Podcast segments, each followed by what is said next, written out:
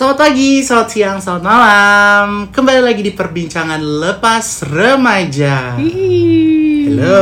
Halo, halo. Apa kabar kalian? Baik, baik, baik. Gimana gimana? Ini udah masuk bulan Februari loh nggak? Iya ya. Gimana kerjaan so far? Wah, kalau kerjaan sih lumayan lah kalau awal-awal Februari ini tuh lagi bisa napas sih. Oke. Soalnya kan lagi ada perayaan sukacita nih. Oh iya benar, baru inget. Apalagi perusahaan-perusahaan kita perusahaan-perusahaan yang Nah. merayakan nih kayaknya ya. Jadi kayak cuan-cuan lumayan gitu ya. Hmm, berasa banget tuh. Selamat tahun baru Imlek uh, Gongsi Facoy buat teman-teman yang merayakan Sheni Kuaile, Shenian Kuaile ya, gue lupa. sinian Kuaile. Jadi kalau gue dulu belajar itu, itu nyebutnya kungsi. Jadi kungsi, kungsi facoy. Ya, jadi G itu dibacanya Kung. K. Oh, oke. Dan ada H, ada ada kayak haknya kung, kungsi. Gongsi Facoy. Hmm. Oke. Oh, kalau gue di sini karena memang sampai sekarang teman-teman gue di sini hampir semuanya ya majority Chinese. Jadi memang banyak banget yang uh, merayakan Mhm. dan dulu gue diajarin kalau nggak salah membacanya kongsi sih bener-bener bener kongsi, Iya. Facoy sama uh, sh- eh, apa tadi Sinian- satu lagi Sinian Eh, Kuaile. Sinian Kuaile. Kok gue jadi kayak Thailand ya, Wak? Kuaile. Nggak, BTW tahun ini tuh tahun apa sih enggak kalau Shio gue lupa deh belum cek-cek lagi. Banteng, banteng. Oh banteng, banteng, banteng, kebo kali maksud lo? Mana ada banteng cong? Eh, kerbau Kan deng. Ada Oh iya deng, kok banteng sih? Iya. Kerbau kan? Kerbau, kerbau. Ya, pokoknya kerbau, babi, tikus, kelinci ya kalau Iya, nggak salah kayak gitu-gitu deh. Ah, Wah, mudah-mudahan tahun ini membawa keberuntungan ya. Yang paling penting keberuntungan yang kita harapkan saat ini adalah berakhirnya COVID-19 yang denger-denger baca nggak berita minggu lalu hello tujuh tahun banget beb. Weh, iya nggak sih? itu kalau negara anda kali, negara anda sekarang eh, bekerja kalau di sini kan estimasinya, uh agak bisa. Kalau ini kayak greatest hits gitu loh kalau artis-artis biasanya kan eh, album yang single-singlenya, single-single terbaiknya dirangkum tuh Kompilasi ya? per 10 10, tahun. tahun. kayak per dekade. Astaga 10 tahun lagi ya Allah. 10 tahun lagi gue 36 Gue udah kawin belum ya umur segitu. Eh nikah maksudnya Ya Allah 10 tahun lagi Enggak deh jangan ah capek kali 10 tahun eh, Tapi kayaknya Kalau semoga beneran bisa lebih cepet lah. Mudah-mudahan ya Mudah-mudahan lebih cepat lagi Ah, Anyway Amin. Kita hari ini mau ngebahas soal apa sih sebenarnya pekerjaan ya? Gue denger kemarin dari briefingan.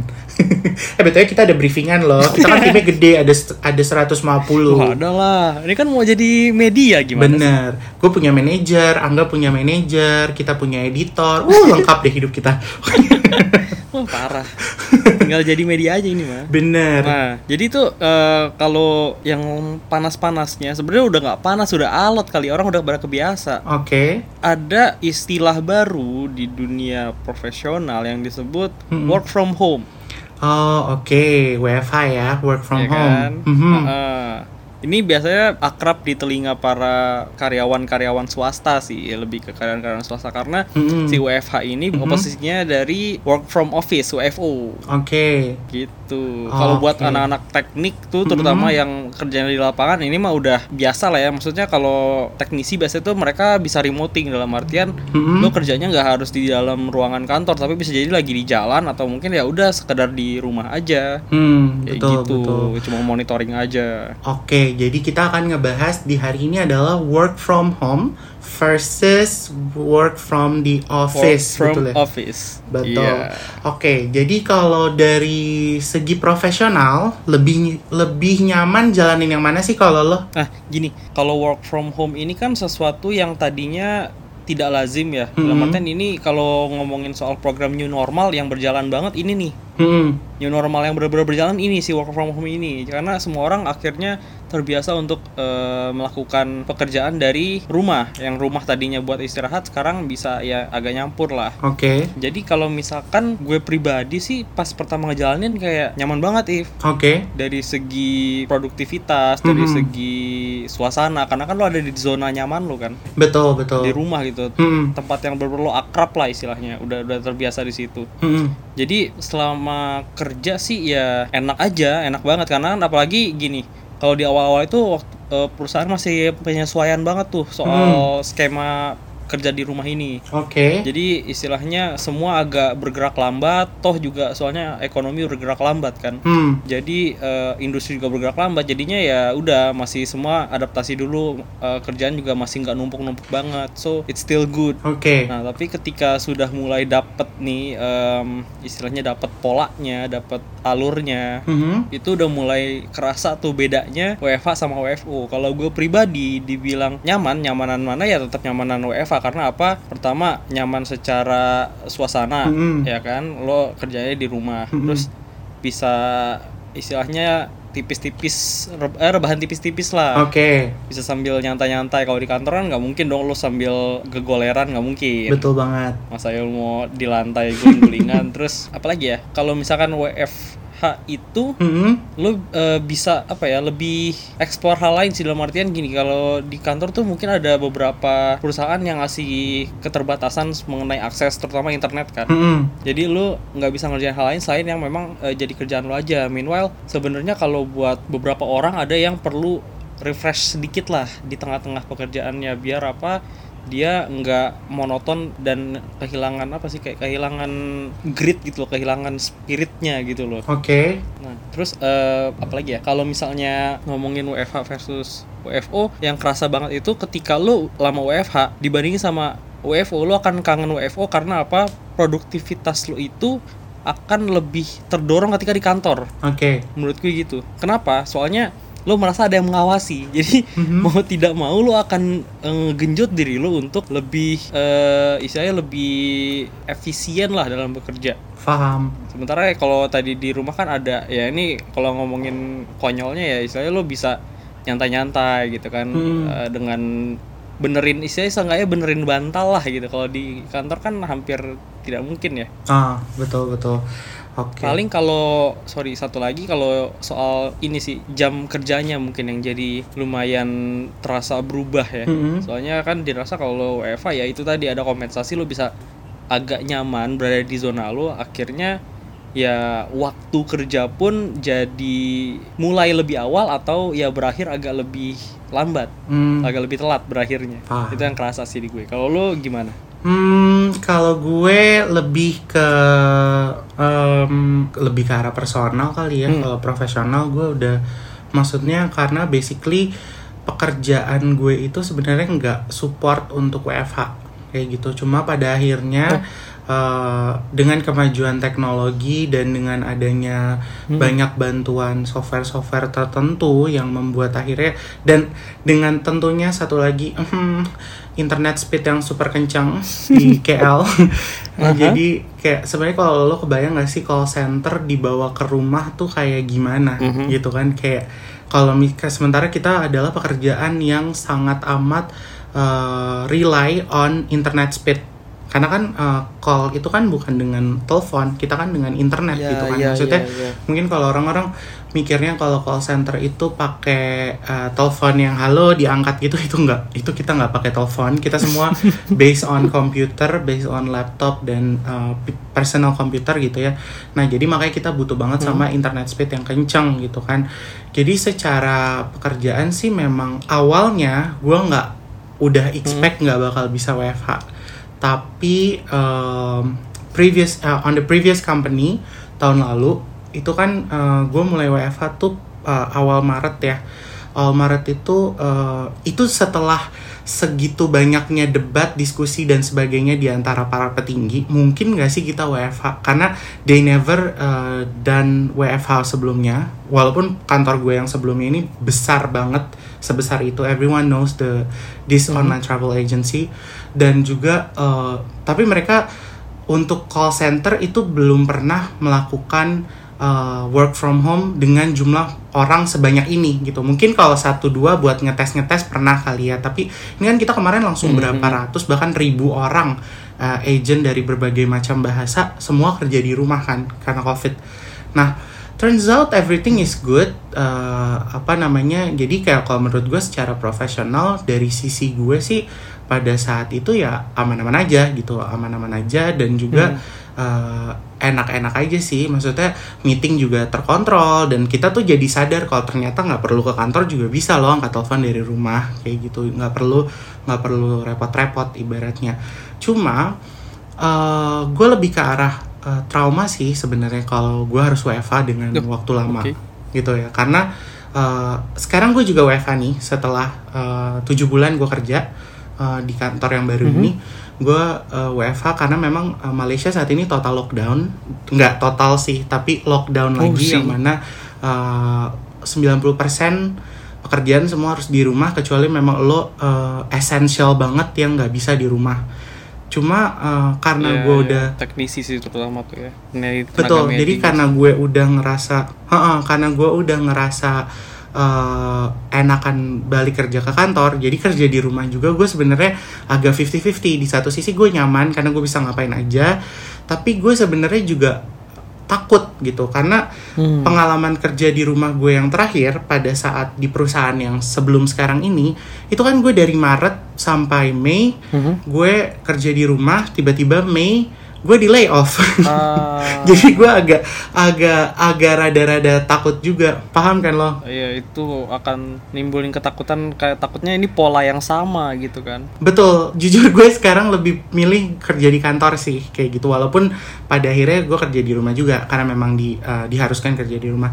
Cuma pada saat itu eh, karena memang pada saat gue di PHK itu bener-bener nggak ada informasi apa pun sampai tim manajer gue semua tuh juga nggak tahu kita tiba-tiba dikumpulin dalam satu town hall dengan CEO-nya di Oke. Bangkok pada saat itu Eh, dia ngumumin kayak lagi main America's Next Top Model beb jadi iya kayak lo kayak audisi gitu kan. Iya, tiba-tiba kayak- nih sekarang. Iya bener-bener nggak gue tuh kayak ngebayangin Tyra Banks lagi ngomong di depan gue kayak apa? 4,000 beautiful women standing in front of me but only kayak gitu kan. Ini tiba-tiba si si uh, bapak uh, JB ini tiba-tiba pada saat itu ngomong 1.500 orang yang nggak dapat email dari gue mohon maaf kalian tidak dapat lanjut ke babak selanjutnya. Ibaratnya kayak gitu. Itu lo langsung ngecekin email gak sih? gue sih udah gue nggak tahu kenapa gue udah expect gue kena. Jadi gue Hmm. nangis sebelum gue dapat im- eh, sebelum gue dapat email gue dapat email emailnya invitation untuk meeting ngomongin soal duit yang bakal gue di yang eh, berapa yang bakal dikasih ke gue Oh. dan udah gitu pada saat itu ya gue baru tahu ternyata corporation life itu memang sekejam itu adalah they don't eh, apa ya let us breathe jadi at that time meeting tuh bukannya kayak sabar ya tenang ya ini langsung ya lo abis ini akan dapat duit segini segini segini lo akan dapat benefit ini ini ini ini. Anjing dalam hati gue gue masih butuh nafas pada saat itu. Gue nggak mau ngomongin Gile. duit ya kan? Nah itu sih yang bikin gue rada trauma soal WFH tapi selebihnya sih gue ya santai-santai aja sih. Nah lanjut ke pertanyaan berikutnya perubahan apa aja sih yang lo rasain selama lo WFH lo WFH kan ya udah pernah WFH juga kan ya Iya iya Hmm. iya. Apakah dari segi physical atau ada dari segi eh, pengeluaran secara kalau WFH kan lo nggak harus keluar ongkos gitu kan Mhm. atau apa gitu yang lain lagi? Oke. Oh kalau gue WFH itu yang pasti badan berubah ya. itu gue naik 10 kilo. Nggak tahu kalau Oh, sekarang jangan naik sedih. berapa. Oh, gue 20. Jadi dari awal berat gue tuh cuma 60 sekian, sekarang jadi 70 lebih. Oke. Terus yang pastinya lebih hemat sih, soalnya transportasi apa biaya transportasi sama biaya makan gue itu bener-bener kepotong jauh. Oke. Kalau perbandingannya gini, dulu gue setiap kali gajian paling makan enak seminggu sekali. Hmm. Sekarang tuh bisa ya sepertiga bulan lah makan enak. Hmm. Bisa setengahnya malah, bisa kayak 15 hari tuh makan yang bener-bener nggak mikir lu pesan sebanyak apa. Nah, itu juga sih yang akhirnya jadi bikin berat badan gue naik. Oke. Terus paling yang disadvantage-nya mungkin lebih ke ya tadi waktu kerja ya waktu kerja jadi agak lebih fleksibel gitu kan. Terus sama ini em, kalau nyari-nyari ide kalau dulu kan bisa lo misalkan eh, ya gue bisa bilang lah gue mau cari ide konten ke mana mana mana misalkan lagi ada tempat yang lagi in atau misal makanan yang lagi eh, bagus itu kan bisa jadiin konten ya. Kalau sekarang agak ya susah lo mau izin kayak gitu Hmm. apa nggak langsung besoknya disuruh tes segala macem. Kalau gue ini kan WFH gue baru baru berapa ya? Baru mau sebulan ya sejak gue kerja tujuh bulan terakhir ya di perusahaan yang baru. Hmm. Kalau gue sih ngerasanya mungkin karena gue nyetir kali ya ke kantor. Hmm. Jadi kan eh, kan gue di sini bawa mobil gitu maksudnya gue nyetir sendiri ke kantor. Eh, emang sih bensin di sini jauh lebih murah dibanding di Indo. Cuma kan tetap aja coy itu ada perhitungan pengeluaran bulanan juga. Iya. Jadi gue biasanya budgeting buat eh, bensin dan parkir itu sebulan tuh bensin parkir sama duit jajan receh gue lah ibaratnya. Hmm. itu tuh dalam sebulan mungkin sekitar eh, 500 ringgit. 500 tuh kayak 1,8 sampai 2 juta lah. Hmm. tapi akhir-akhir ini eh sejak WFH somehow pengeluaran gue segitu juga cuy. Gara-gara ternyata ternyata kayak tadi yang lo bilang gue jajan jadinya. Gue Oh, gue iya tuh sih. gue pikir gue pikir tuh dengan gue di rumah gue bakal masak dong. Kayak aduh gue gue tiap gue tiap minggu nih kerja nih ke grocery. Kayak ke grocery cuma buat nyari Nyetok, nyetok. iya nyetok aja. Habis itu ujungnya gue McD KFC gitu kan. Ujungnya gitu gitu lagi juga gitu. Jadi kayak percuma juga gitu kan. Nah terus habis itu selain itu juga sama sih pe- persis sama kayak lu. Hmm? Uh, gue gue tuh sebelum lockdown ya itu berarti Maret 2020 eh gue kan emang gempal ya bukan gempal lagi gue gendut gitu kan.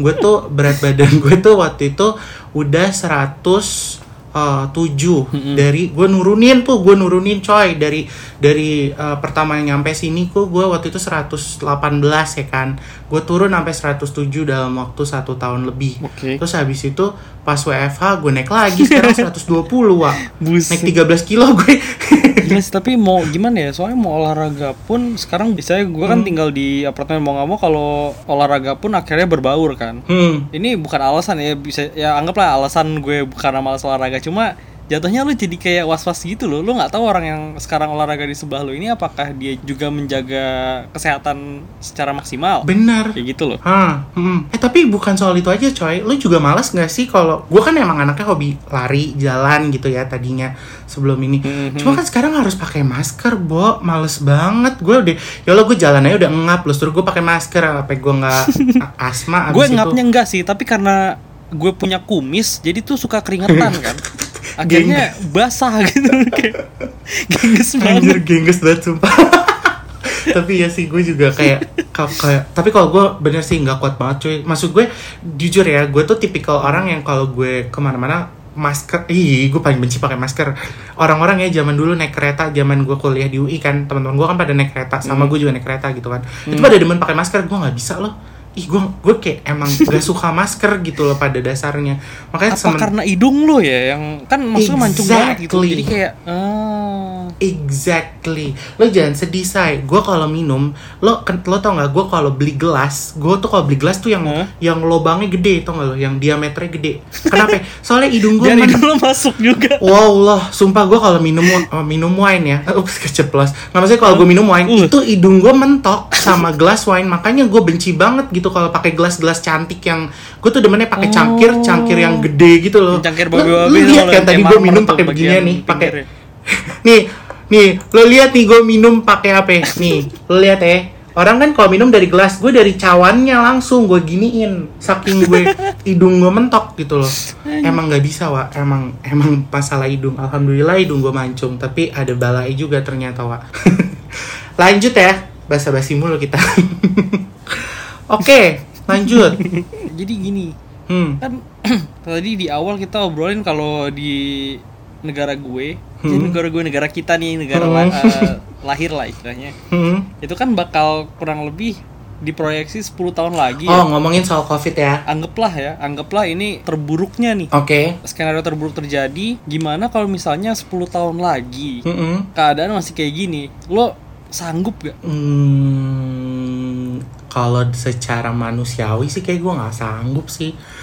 I mean like Mhm. kalau 10 tahun lagi keadaannya kayak gini ya berarti gue nggak pulang-pulang dong. Iya sih. kalau gue masih memilih untuk lanjut kerja karena kan saat ini gue sih sebenarnya ya, yang bikin gue tersiksa banget saat ini tuh bukan soal kerja dari rumah bukan soal karena masker atau apa bukan gue fine fine aja kok lo mau nyuruh gue pakai masker 10 tahun lagi gue juga it's okay gitu lo mau nyuruh gue cuci tangan jaga Mhm. jarak gak apa-apa Ya emang soal higienis kan, maksudnya kebersihan kan. Iya, tapi kalau gue sekarang yang tersiksa banget adalah Malaysia tuh nggak mau ngebuka diri ke ke apa dunia internasional gitu loh. Maksudnya Seandainya gue, Mhm. kenapa kan banyak kayak orang suka nanya kapan pulang, kapan pulang. Ya Allah, gue tuh sampai udah capek ngejawabin, sampai kadang gue read doang, tau gak lo?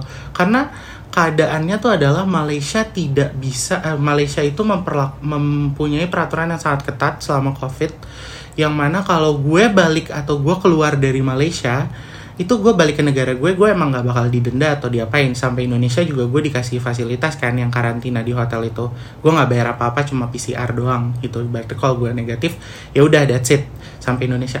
Pas gue balik ke sininya lagi, gue harus bayar 5.000 ringgit coy, 18 juta. Iya, Yang mana kan kayak kayak 5.000 ringgit tuh mungkin setara dengan ya gaji satu bulan gitu iba- ibaratnya gitu ya kasarannya Mhm. gitu terus habis itu ya nggak mungkin dong gue bisa bergerak bebas kan nggak mungkin gue Iya sih. bisa dalam uh, berapa bulan sekali pulang ke Indonesia selain itu juga Mhm. kan nggak mungkin gue lo bayangin ya nih kalau gue memutuskan untuk traveling ke Indonesia pertama dari dari KL nyampe Jakarta nyampe Jakarta gue harus dikarantina tujuh hari ya kan di hotel eh empat hari apa lima hari sih yang Indonesia. Pokoknya segitulah. Hmm. terus habis itu gue ketemu keluarga taruhlah gue cuma tiga hari 8 hari. Nyampe KL gue di karantina lagi tujuh hari.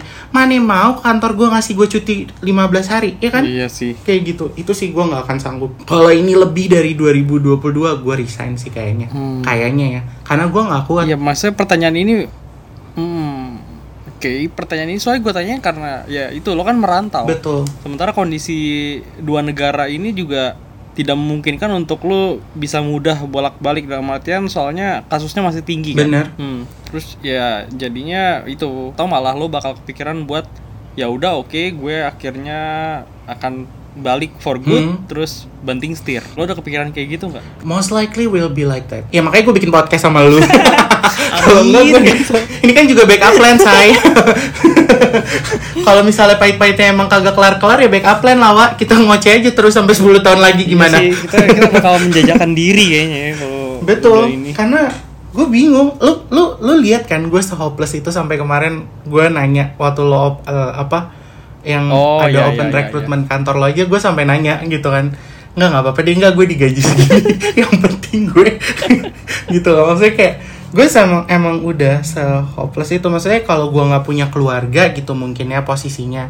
Misalnya let's say Nauzubam Zalik gue udah nggak punya orang tua gitu. Mungkin gue akan memilih untuk stay di sini. Cuma kan maksudnya gue masih punya Hmm. Iya orang sih. tua gue masih punya keluarga gue nggak mau lah. Maksudnya gue lebih memilih deket ke ada emotional bonding yang akhirnya bikin lo ah, masih terpikir untuk ya gue tetap harus apa memperjuangkan untuk bisa balik lah betul karena kalau nggak cuy eh, ibaratnya gini loh misalnya lo mau ngejar apa sih gitu loh kalau di saat lo menelantarkan keluarga lo.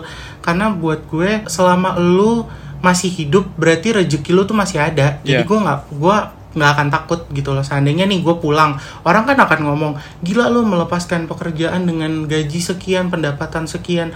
Ya gue lebih memilih itu daripada gue harus kehilangan momen dengan orang tua gue yang makin tua kayak gitu. Atau mungkin kehilangan momen dengan keponakan keponakan gue yang juga udah mulai growing gitu udah makin dewasa gitu. Gue kayak gue orangnya emang family person banget kali ya. Jadi gue agak susah kalau terlalu lama. Tapi buat gue if Mm-mm. orang yang menyayangkan tadi soal lo kok cabut sih dari kerjaan yang ngasih lo istilah pendapatan tinggi itu biasanya orang yang nggak kenal sama lo iya biasanya sih gitu sih. Kalau yang kenal nggak? Iya kan? Heeh. kalau yang kenal mah nggak bakal protes ya. Oh ya udah gue emang tahu istilahnya kayak gini. Hmm, orang soalnya mungkin mikirnya kayak ini sebenarnya percakapan yang sering gue bahas sama Dini, shout out sama Dini sama nyokapnya Dini berapa kali gitu. Si tante tuh suka juga cerita sama gue orang tuh mikirnya kita hidup di perantauan tuh kayak eh, enaknya aja kali ya. Padahal tuh ada juga nggak enaknya emang gitu. Kita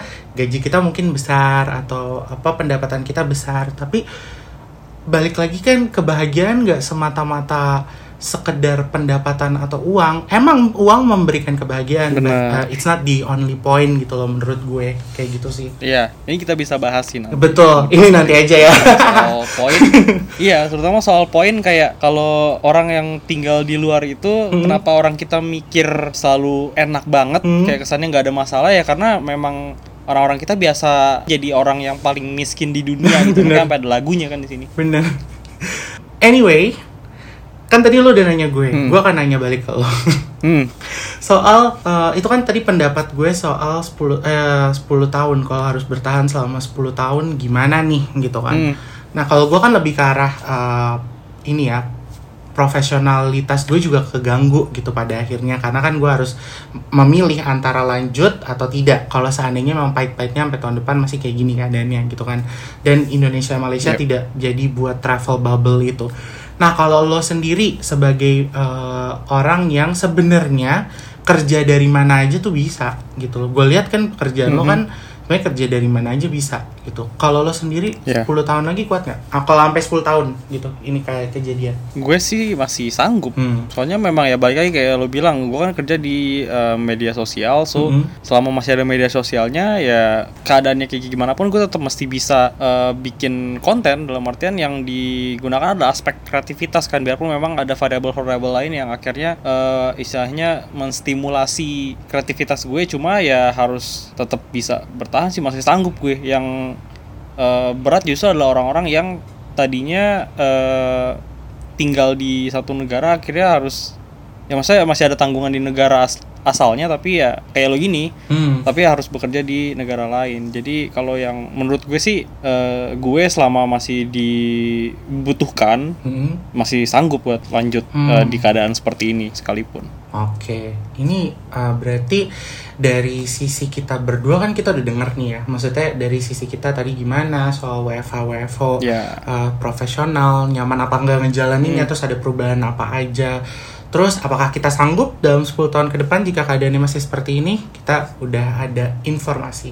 Tapi kayak kurang lengkap kalau kita nggak ngundang orang lain lagi untuk ngajak uh, untuk ngebahas ini. tentu Jadi seperti biasa kita kembalikan lagi ke Anggada. oke so sekarang gue bakal coba telepon narasumber Oke. Eh, kita akan coba tanyain juga kesanggupan mereka kalau misalnya ini terjadi Mhm. di kemudian hari masih ya sampai 10 tahun Hmm. lagi atau lebih mungkin jangan sampai ya Allah Kita juga bakal dengerin ya ceritanya dia kayak gimana nih selama WFH, ya kan? Atau WFO. betul betul pasti karena kan itu yang akan dibahas di Hmm, sini hmm. so eh, gue call dulu ya sekarang Oke. Ya halo halo halo Halo, siapa di sana? Halo. Ah, udah tersambung. Nah, ini teman-teman yang kejaring buat ngobrol bareng kita di perbincangan lepas remaja edisi drama WFH Oke. eh drama pandemi Drama pandemi seputar WFH versus WFO. Ah, buat teman-teman yang tadi mungkin masih belum ngeh, gue rasa harusnya udah pada ngeh ya. WFH artinya work from home, work ah, WFO artinya work from the office atau ya like-nya bekerja seperti biasa kayak gitu. Anyway, kenalin dulu nggak mantan temen timeline yang sekarang jadi mascot mungkin. udah convert ya jadi masyarakat bacot sekarang ya Betul. Bisa diperkenalkan dulu dengan siapa di sana? Nah, jadi gini, gue sendiri pilih itu karena eh, profesinya yang paling langka, If. Bukan langka sih, mungkin karena di lingkup gue kebanyakan pegawai swasta. Jadi ya ceritanya itu itu aja. Mm-mm. Tapi yang ini unik, If. Beda dari yang lain. Kenapa tuh? So, em, langsung aja ya gue kenalin. Oke. Eh, halo Mbak, boleh eh Mbak salah dong. Halo Ibu, boleh perkenalkan namanya Ibu? Oke, jadi sekedar intermezzo. Perkenalan, nama saya Anissa. Hai. Saya saya sekarang bekerja sebagai guru untuk anak SD dan saya guru kelas 2. Jadi kalau guru Betul. kelas 2, guru kelas kecil itu ngajar semua mata pelajaran. Kalau sekarang kan SD namanya tematik ya, Kak. Jadi semua mata pelajaran ada PKN, bahasa Indonesia, matematika, seni budaya, sama Oke. PJOK. Oh, kan? Gua Bagus tuh. Eh, gue nggak expect loh. Maksudnya em, ini sebenarnya tadinya gue pikir yang bakal kita undang itu another SCBD Mega Kuningan dan sekitarnya nih, gitu kan.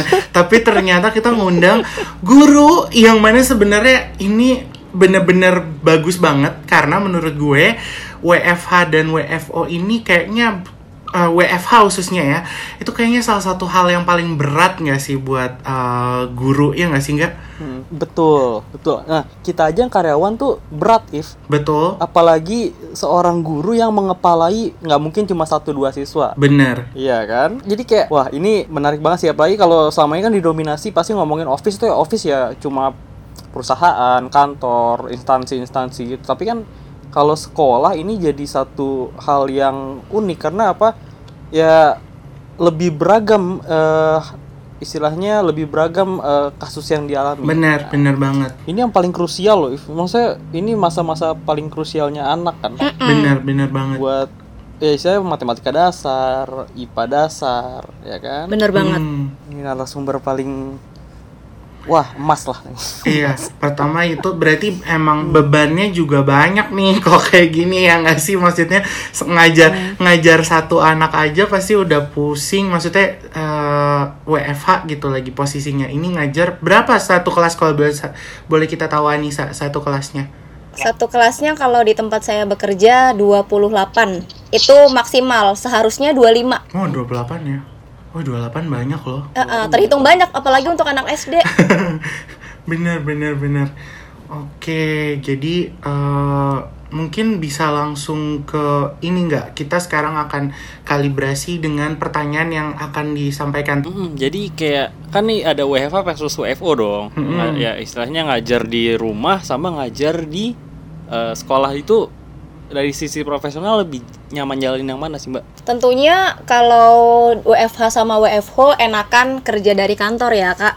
Karena kalau sebelumnya kalau untuk sekolah mungkin kita memang sekolahnya online. Tapi kalau misalnya tem- tempat ngajar kita ngajarnya di rumah atau di sekolah Itu enakan di sekolah.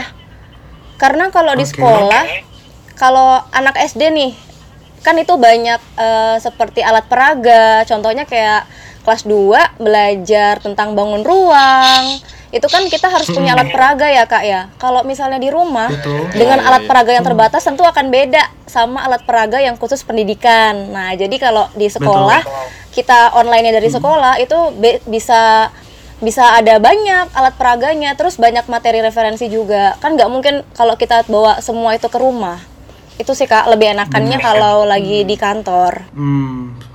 Oke. bener bener Tapi kalau misalkan kayak alat peraga tadi itu ada nggak sih mungkin dari pihak eh, sekolah atau dari pihak guru akhirnya eh, mempersiapkan atau memberi alternatif kepada orang tua di rumah untuk me, ya itu mempersiapkan tadi itu apa kayak buat alat peraga alternatif lah yang bisa membantu untuk proses pembelajaran karena pasti didampingi kan ya anak-anak Ah, ini. benar, tentu kita dari guru juga memperhitungkan bahwa harus ada alternatif nih untuk orang tua di rumah semisal alat peraganya tidak ada. Contoh kemarin waktu kelas 2 itu lagi praktek, praktek prakteknya sih simpel aja sih Kak ya, melempar sama nangkap bola.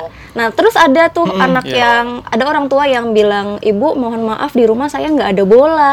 Ya udah saya bilang, "Oh, pakai Oke. apa aja, Bu, yang ukurannya eh, sebesar bola bisa pakai boneka. Jadi memang dari gurunya harus memberikan alternatif saran eh, bisa pakai apa aja nih alat peraganya kayak gitu sih kak. dan kreatif juga ya berarti kreativitas diperlukan berarti ya Tapi kalau misalkan aku bingung nih sama eh, ini loh mbak jadwalnya agendanya itu gimana ya? Ada perubahan nggak sih? Hah, Oh jadwal pelajaran gitu ya? Iya iya iya jadwal mulai selesainya. Oke kalau ini yang pernah ini yang dari sisi saya kak ya kalau misalnya untuk jadwal mungkin kalau misalnya pelajaran itu kan udah ada misalnya jam pelajaran pertama eh, bahasa Inggris jam kedua tematik nah itu disesuaikan juga dengan waktu belajar kalau dulu sebelum pandemi ini kita sampai siang sampai jam 1 sampai jam 2-an. Nah, karena pandemi ini eh, jam belajarnya dikurangin jadi sampai jam 12 saja. Nah, dan tentu eh, konsekuensinya adalah jam pelajarannya juga semakin berkurang. Jadi disesuaikan mungkin Oke. kalau misalnya kayak saya nih tematik ngajar tematik. Jadi hari Senin itu eh, tematik tematik aja nanti hari Selasa bahasa Inggris duluan satu jam satu jam aja bener-bener satu jam habis itu ganti tematik kalau dulu sebelum sekolah online kan mungkin bahasa Inggris bisa dua jam supaya materi yang disampaikan Oke. bisa lebih banyak betul Oh. Oke, nah gue punya pertanyaan juga nih. Kalau dari sisinya Anissa sendiri sebagai guru gitu ya, secara profesional perubahan apa aja sih yang dirasain selama WFH? Uh, apakah mungkin jadi uh, ruang geraknya terbatas atau seperti apa yang mungkin bisa Anissa sampaikan lagi selain itu. Dan untuk personal misalnya uh, mungkin kalau dengan WFH kan jadi kita nggak keluar uang transportasi atau uang makan kayak Oh, gitu iya, gitu dan hal-hal lain yang mungkin misalnya uh, secara psikologis juga bisa dijelasin. Kamu sebagai seorang guru bekerja dari rumah tuh apa sih yang kira-kira perubahan dan apakah kamu nyaman atau tidak dengan hal tersebut? Oke, saya jawab di- dulu Mm-mm. dari sisi profesional ya kak. Kalau saya pribadi nganggap dengan bekerja dari rumah itu seperti yang tadi kakak bilang gerak saya eh, terbatas bener banget. Jadi kalau misalnya ngajar online kan anak-anak belajarnya Mm. pakai Google Meet ya. Kita cuma bisa menyampaikan Mm. kalau punya buku, kalau kebetulan di sekolah kami buku semua siswanya punya. Kita Mm. mungkin bisa buka halaman sekian bareng-bareng kita buka. Tapi kalau misalnya eh, lagi tidak ada buku, kita menggunakan slide. Jadi Oke. terbatas banget terus kita nggak bisa tahu misalnya saya nyuruh tuh eh, Oke. murid saya kerjakan ya nomor 1 sampai nomor 5 nah tiba-tiba saya sudah bu saya sudah. Oke. nah ada anak yang belum. Biasanya kalau misalnya ada anak yang tertinggal ada anak yang belum kita nyamperin kita kasih semangat. Betul. nah kalau online gini kita cuma tanya siapa yang belum. Oh iya semangat tentu akan berbeda ke- eh, ketika kita ngasih secara langsung semangat ke anaknya. Jadi kayak nggak bisa menggapai secara langsung ke anaknya. Gitu sih kak. Terus juga eh, hubungan antara murid sama guru itu beda. Jadi dulu jadi waktu itu eh, saya kebetulan lagi jadwalnya vaksin anak kelas 1 vaksin DT kalau nggak salah. Kebetulan saya jaga men- eh, mewakili sekolah saya ketemu murid-murid saya itu interaksinya beda. Jadi ketika Oke. mereka ketemu saya mereka itu nggak kenalin saya padahal tiap hari Google Meet sama saya. Oh, oh soalnya dari awal tahun pelajaran udah langsung ini ya online Iya. ya nih Oh, saya. oh, berarti. benar langsung Oh, online. I see. Jadi kan, mm-mm, jadi ah, padahal ketika Google Meet kan kita tentu nggak pakai masker ya, jadi bisa mengenali Betul. wajah. Jadi mereka akrab kalau Iya, Google iya, Meet, iya. semangat banget. Ibu Anissa saya gini-gini mereka cerita, tapi pas ketemu diem. Pa- Pas saya te- pas saya tegur duluan, mereka lari kabur ke orang tuanya. Ya Baru saya bilang ini ampun, Bu Anissa. Karena nggak kenal asing. nggak kenal Bener, asing Heeh, itu sih kak jadi ruang gerak kita untuk berinteraksi sama murid itu menjadi terbatas dan tentu kalau belajar online itu kan waktunya nggak Hmm. bisa sampai satu jam paling maksimal apalagi anak SD ya mudah jenuh itu 45 menit itu Hmm. Betul. waktunya dikit Oh. banget cuma sehari cuma 45 menit ber- berinteraksi sama anak. Beda ketika kita ngajar biasa kita ketemu tiap hari tiap jam apalagi guru kelas tiap waktu. Ya itu Hmm. bedanya ikatan batinnya antara guru dan murid. Itu kalau iya, secara betul. profesional.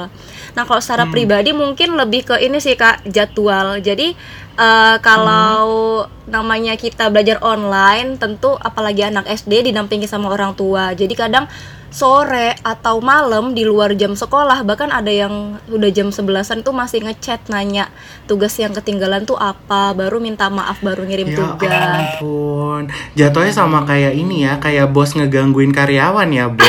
jatuhnya tetap sama gitu. Oke, oke. Jadi kayak ternyata customer terjadi. service yang harus 24 jam bahkan ada tuh. Jadi harusnya Google Meet jam 7. Jam 4 pagi tuh saya di chat nanya link Google Meet-nya mana padahal udah saya share malamnya. Ya ampun, paham banget, paham sih kayak gitu. Wow, wow. Oke. Oke, selain tantangan soal agenda tadi, soal jadwal tadi, Mhm. ada nggak sih mbak tantangan lain mungkin gini kayak kan pastinya ini eh, pendamping juga diberi arahan ya untuk membantu proses pembelajaran. Hmm. Ada nggak sih cerita mungkin atau pengalaman yang em, lumayan menant apa bukan menantang kayak menguji banget nih, untuk akhirnya bisa nge infoin atau bikin proses pembelajaran jadi lancar ke pembinanya justru istilahnya walinya lah. Oke, ada ada. Jadi kalau di sekolah itu di sekolah saya untuk materinya pakai aplikasi psikologi. Nah, Oke. tentu orang tua juga harus belajar. Jadi kadang mereka harus submit eh, harus ngirim tugas tapi belum diklik. Sepele Oke. itu belum diklik. Terus ditagih kan, ditagih tentunya. Nasib maaf anakmu Bun, ada di satu tombol itu. Iya benar. Maaf Bun, ini tugasnya belum belum dikirim. Terus orang eh, walinya eh, kayak bilang sudah Bu Anissa sudah saya kirim. Iya tapi belum masuk. Terus tiba-tiba dengan perdebatan antara belum sama sudah tiba-tiba ngomong oh maaf bun mungkin saya belum klik beneran belum diklik itu kalau yang psikologi itu untuk materi sama tugas nah yang Oke. lebih yang lebih sulit lagi ini eh, waktu pengenalan Google Meet. Jadi waktu masuk ajaran baru tahun lalu, kebetulan sekolah kami, sekolah saya bekerja sama sama Google. Jadi anak-anak punya email pribadi menggunakan Google. Nah, tentu harus ada sinkronisasi kan, mana pakai email pribadi biasa, mana pakai email Google. Nah, ada orang, Oke. ada wali murid mungkin yang gaptek yang nggak tahu caranya itu bagaimana. Saya sampai nge-screenshot semua langkah-langkah dimulai dari apa dulu yang dipencet, saya screenshot, klik apa, klik apa, semua saya screenshot, saya kasih tanda lingkar merah, saya kirim sampai kayak gitulah, Oke. sampai bener-bener nggak anu nggak apa namanya masih belum paham saya ditelepon saya video call saya tunjukkan laptop saya Wow. jadi video call sambil nunjukin laptop yang ini bun yang dipencet kayak gitu. Ya ampun. Eh tapi tapi aku mau nanya dong Anissa, maksudnya ini juga buat mungkin teman-teman yang ngedengerin gitu ya. Karena kan em, apa ya? How how do I say gitu kayak aku punya temen banyak ya yang eh, memang punya anak eh, saat ini di usia-usia kelas 1 SD, kelas 2 SD, bahkan kakakku juga itu sekarang eh, anaknya kelas eh, yang di SD kelas 3 gitu kan. Kan eh, mereka kan selama ini mungkin eh, terutama ibu-ibu ya kalau bapak-bapak mungkin nggak terlalu nggak terlalu jarang lah yang mungkin turun tangan langsung ke anak gitu kan. Kalau ibu-ibu ini gitu maksud aku ada nggak sih yang mung- aku bisa ngerti mungkin mereka juga udah punya beban pekerjaan di bener, luar. terus habis itu punya beban di dalam rumah tangganya sendiri harus harus apa namanya ngurus rumah ngurus anak atau yang mungkin yang kerja yang working mom juga uh, bener kerja banget. gitu. I- I- aku benar-benar appreciate mereka semua gitu. Cuma maksud aku pernah nggak sih ada uh, kasus yang mana sampai ada yang akhirnya kayak udah out of control terus kayak si orang tuanya nih kayak udah bu saya udah nggak kuat bu bantu saya. Kayak gitu. Ada nggak yang sampai kayak gitu? Kalau untuk sampai separah itu bagi saya belum ada sih kak. Cuma memang ada be- karena mungkin sebagian besar keluarga eh, orang tua eh, terutama ibu anak-anak saya itu kan pada bekerja. Jadi eh, mungkin kadang malam-malam biasanya malam ngehubungin saya bilang Bu Anissa mohon maaf saya baru bisa mendampingi. Jadi em, paling cuma minta diarahkan aja apa yang ketinggalan. Cuma kalau misalnya untuk sampai menyerah gitu enggak sih. Paling parah gini Belum aja sih ya? kak. Paling parah mungkin eh, yang pernah saya alami telat ngumpul tugas. Jadi tugas itu banyak yang bolong. Ha-ah, banyak yang bolong. Terus karena alasan juga orang tua bekerja. Nah tapi dari saya pri- dari saya tidak membiarkan. Saya tetap saya selalu follow up saya ngelis anak-anak yang misalnya tugasnya kurang itu apa. Eh, saya kasih tanggal yang tugas tanggal berapa. Bahkan saya langsung kirim soalnya biasanya kan soalnya bisa diakses dari psikologi cuma menurut saya kasihan mungkin orang tuanya eh, banyak pekerjaan jadi saya langsung kasih sekalian bun tugas yang ini belum selesai ini ya tugasnya jadi untuk saling kerjasama lah antara guru sama wali muridnya wow, Oke, wow. bagus bagus. Berarti setidaknya inilah ya, maksudnya eh, apa? Ada sinkronisasi antara orang tua dan wali murid kayak Bener, gitu. Eh, wali murid, wali kelas sorry maksudku. Iya, harus kayak gitu sih Kak supaya eh, apa tidak ada miskomunikasi dan supaya pembelajaran juga bisa berjalan lancar. Iya sih, apalagi di Hmm. ya apa eh, masa-masa yang awal belajar, masa lagi apa ya, selain bentuk karakter juga bentuk wawasan kan. Iya, bener Otomatis ya biar anak ya, namanya tugas itu kan pasti untuk mengasah kemampuan atau ya untuk memperdalam eh, pengetahuan si anak kan. Mm, Iya, benar. So, penting banget untuk ya tadinya itu untuknya eh, anak-anak ini ketemu guru yang benar-benar perhatian ke mereka Hmm. gitu loh. Hmm, tapi jujur ya gue denger cerita ini tuh gue mem- maksudnya selama ini kan gue denger dari sisi uh, wali murid gitu ya. Maksudnya dari orang tua murid yang mana teman-teman gue gitu kan yang mungkin anaknya udah SD atau kakak gue sendiri yang gue lihat gitu kan. Terus ini gue denger dari sisi guru ternyata tuh memang sama beratnya ya. Berarti Iya, maksudnya uh, jadi jadi bener-bener emang harus kalau orang Jawa tuh ngomongnya keporong ngalah kali ya. Maksudnya sama-sama saling ngalah lah gitu loh. Maksudnya saling ngalahnya tuh bukan mm-mm, bukan untuk eh, apa bukan untuk ngalah artinya gue lebih bagus atau gimana tapi lebih kayak me- menurunkan ego masing-masing ya Dan untuk. Iya, untuk keselamatan murid-muridnya juga gitu kan. Bener-bener. Oke it's really nice actually dapetnya guru gitu ya nggak gue nggak expect bener loh dari awal. Iya. dan ini ini bener-bener membuka wawasan. Kita nggak ngalamin jadi kita bisa cari tahu lebih banyak. Benar. karena kalau yang udah kita biasa alamin itu kita udah tahu dong. Betul, kalau dari karyawan oke Hmm. plus minusnya gimana eh tapi gini kan ada kabar yang beberapa minggu terakhir ini jadi inilah ya ramai dibahas lah ya Mm-mm. perkiraan soal lamanya vaksinasi di beberapa negara yang dirilis oleh salah satu kanal berita internasional. Itu dinyatakan ada beberapa negara termasuk Indonesia yang kurang lebih akan em, mengalami pandemi ini masih selama 10, 10 tahun tahun. lagi. Hmm. Nah, Hmm. kira-kira nih Mbak, katakanlah hal terburuk nih, skenario terburuknya pandemi masih berlangsung sampai kurang lebih 10 tahun lagi kayak sekarang. Sanggup nggak Mbak? Iya. Kalau Eh tapi Agak be- berat sebelum ya dijawab Mbak kita. Nisa aku mau tanya dulu. Mbak Nisa nih di sekolah swasta atau negeri? swasta, Swasta ya. Oke, lanjut. ya.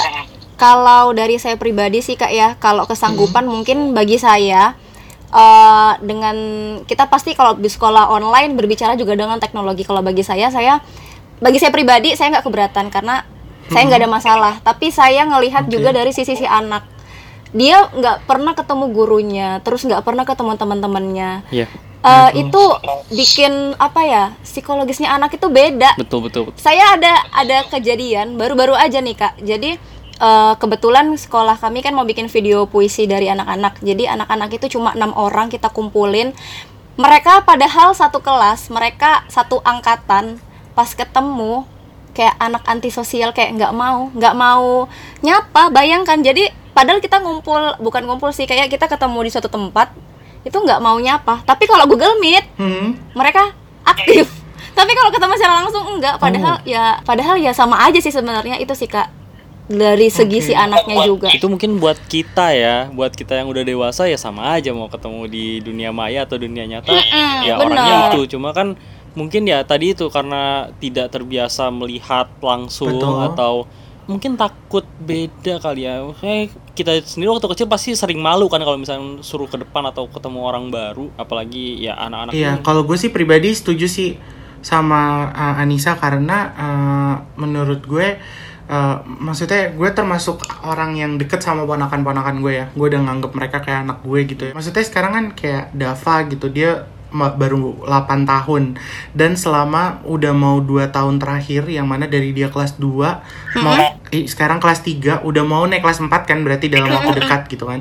Itu dia di rumah aja. Dia tuh udah sampai di titik di mana abang pengen banget balik ke sekolah atau enggak ya kayak kasihan gitu loh sebenarnya. Gue gue gue takutnya psikologiknya tuh keganggu gitu loh nantinya. Nggak ngerti nggak sih kalau terlalu lama? Takutnya mereka jadi Oke. jadi ya kayak tadi Anissa bilang kayak an- mungkin jadi ansos atau gimana. Terus Benar, habis itu uh, kehilangan rasa percaya diri atau uh, apa ya yang nggak kayak kita gitu kan. Kalau kita kan dari kecil kan ya semua Iya. anak ya gue percaya 95 96 97 kelahiran gitu ya. Itu kan kita dari kecil yang super uh, apa udahlah di sekolah ekskul iya, bahkan kita jadi Iya, jangan lupa kita pernah jadi uji coba uji coba beberapa kali kurikulum kan zaman dulu iya Ah, ada kurikulum ini kurikulum sosial itu kita dapat juga Iya, kita dapat banget semuanya dan walaupun itu capek, tapi kayak somehow it's fun gitu kan. Ada ada kenangannya. Gue kasihan sih maksudnya kalau sampai 10 tahun ya eh, kayak gini nanti eh nggak kebayang sih jangan sampai deh Nuzbam Zalik. Kalaupun ada interaksi paling banter buat disimpan di memorinya itu dalam bentuk screenshot. iya benar kayak itu tetap tidak lively gitu, tidak, tidak hidup gitu loh. Iya, kalau gue sih juga kasihan sama yang mungkin kayak kayak gue gitu ya anak tunggal. Lo bayangin ya, ibu bapak kerja, Wah. anak tunggal di rumah cuma mamba doang. Iya, Gimana rasanya, woi? Terus habis itu school from home pula, nggak ketemu siapa-siapa. Ya kan, kasihan tau kayak gitu. iya benar banget kak Iya sih. Bahkan ada murid. Jadi oke. eh, meskipun kita online tentu ada beberapa hal yang mem- membuat anak-anak itu ke sekolah. Entah buat ngambil buku atau ada keperluan sama gurunya. Jadi kadang itu ada orang tua eh, datang nih sama anaknya ke sekolah kak. Terus orang tuanya sambil curhat bun ini tadi misalnya namanya Dava kayak "E, bun Dava tadi pingin ke sekolah pingin lihat ke sekolah. Jadi pas dibawa ke orang tua ke sekolah selain ketemu sama guru diajak keliling sekolahan buat ngobatin rasa kangen anak itu Wow. sampai anaknya tuh kayak meraung-raung nangis pengen lihat sekolahnya gitu loh Ya ampun. Ah, ah, banyak murid-murid gue. yang kayak gitu Asli asli gue nggak tega, sumpah. Oke, berarti kalau eh, aku bisa tangkap buat Mbak Anissa sendiri sanggup ya sebagai ini sebagai orang dewasa ya. iya Untuk misalnya 10 tahun ke depan harus mengajar di rumah aja sanggup tapi mungkin ada beban tersendiri maksudnya kayak pikiran gimana nasib Iya, anak benar. ini selama tumbuhnya ke depan. karena kan kalau jadi guru bukan cuma mikirin kita juga tapi anak yang kita ajarin Betul. Betul, betul, betul, betul, betul. sih. Nah, kalau Mbak sendiri mungkin ada kepikiran apa kayak program atau mungkin ya kegiatan-kegiatan khusus lah yang bisa sedikit mengobati, ya saya sedikit jadi solusi lah untuk kekhawatiran psikologis ini. Kalau dari saya, kalau yang selama ini sih kebetulan tiap hari eh, tiap ada jadwal tema itu saya selalu Google Meet dan Google Meet-nya itu semua harus on cam, on cam supaya saya bisa ngelihat wajah mereka, ekspresi mereka harus on cam. Oh my God, oke. Terus kadang ini untuk ngambil buku sama kembaliin buku. Nah itu eh, memang kita ngatur supaya jaraknya tidak berdekatan. Karena kan kalau buku kalau cuma eh, kalau kelas 2 ya kak nggak bisa langsung difoto kirim karena kita juga harus melihat eh, dia menulis itu kan juga perke- apa motoriknya dia. Iya, Jadi kita iya. lihat oh dia udah sampai mana nih belajar nulisnya. Terus eh, apa yang dia udah kerjain menggambarnya itu kan kita harus lihat dan nilai secara langsung supaya ada reward juga yang diberikan kepada mereka dengan kita menilai langsung di buku. Nah, itu adalah salah satu eh, cara salah satu cara untuk ketemu sama murid saya dan itu sebulan sekali atau enggak dua bulan sekali kita kumpul buku per tema. Kalau di kelas kecil sih. Hmm, Oh, oke. oke. I see. Oke. Satu pertanyaan terakhir. Fasilitas atau mungkin hal apa yang eh, Ibu Anissa harapkan untuk bisa di eh, provide atau disediakan untuk membantu Mbak atau mungkin anak-anak itu sendiri dalam mempermudah proses pembelajaran. Kalau sejauh ini sih alhamdulillah udah terfasilitasi sih, Kak. Semua sudah terfasilitasi ya, Oke. oke. udah ada dari sekolah terus kami guru itu dapat karena sekolah juga bekerja sama dengan Telkomsel jadi tiap bulannya dapat pulsa untuk beli paket data. Dan Oke. paket data pun juga kerjasama dengan korporat apa nomor korporat. Jadi kita bisa beli paket data yang agak banyak dengan harga yang murah. Anak-anak juga dapat paket data tiap bulannya dari sekolah terus dari yang kemen- selain dari Kemendikbud juga yang itu sih. Karena kan karena swasta sih kak ya. Jadi ada dari suntikan dana lah dari yayasan untuk menunjang eh, pembelajaran anak-anak itu sih kak Oke. Oke, jadi sejauh ini sudah oke ya. oke Hmm. Tinggal gimana tadi soal ya psikologis anaknya ya. Hmm. Oke. Wah, Oke, insightful berarti- sekali episode kali ini. Betul, gue eh btw gue langsung ini juga ya, berarti menyimpulkan percakapan kita dari tadi gitu ya. Berarti dari segi eh, ini dari beberapa hal yang kita tanyakan sama Anissa gitu ya, gue nangkep eh, bahwa secara profesional memang juga banyak hambatan, maksudnya banyak eh, eh, Rintangan. nggak bisa ini, nggak bisa itu karena eh, kurangnya ruang Iya. gerak dan juga mungkin alat peraga dan sebagainya gitu ya dan secara personal juga concern dengan uh, keadaan murid-murid yang uh, jadi nggak punya interaksi langsung dengan guru Benar, gitu benar. ya terus habis itu juga untuk perubahan yang dirasakan mungkin lebih kepada kondisi psikologis dan juga kondisi uh, apa ya uh, tumbuh kembang si Iya. anak dan juga kondisi psikologis si orang tua murid gitu ya dengan uh, beban yang ditambah lagi gitu kan. Mungkin selain harus bekerja dan juga mengurus rumah sekarang ada uh, beban tambahan yang biasanya bisa diberikan atau di apa ya dibantu oleh sekolah saat ini jadinya nggak bisa full gitu ya dibantu oleh sekolah dengan karena si anak harus ada di rumah juga kayak Iya, gitu ya Kak. dan untuk sisi uh, secara pribadi 10 tahun itu nggak masalah ya sih mungkin karena kita dewasa orang-orang dewasa mungkin kita juga Iya. nggak ada uh, rasa gimana ya memang mungkin kita Udah juga sebagai profesionalitas aja lah. Betul, dan kita juga sebenarnya kalau bisa prefer ya kerja di rumah juga enak-enak aja gitu. Cuma kalau kita mikirin lagi, kalau memang uh, sifatnya pelayanan, maksudnya sekolah itu kan juga melayani kan, maksudnya memberikan memberikan ilmu, memberikan jasa kepada si anak itu memang kurang optimal kayak gitu.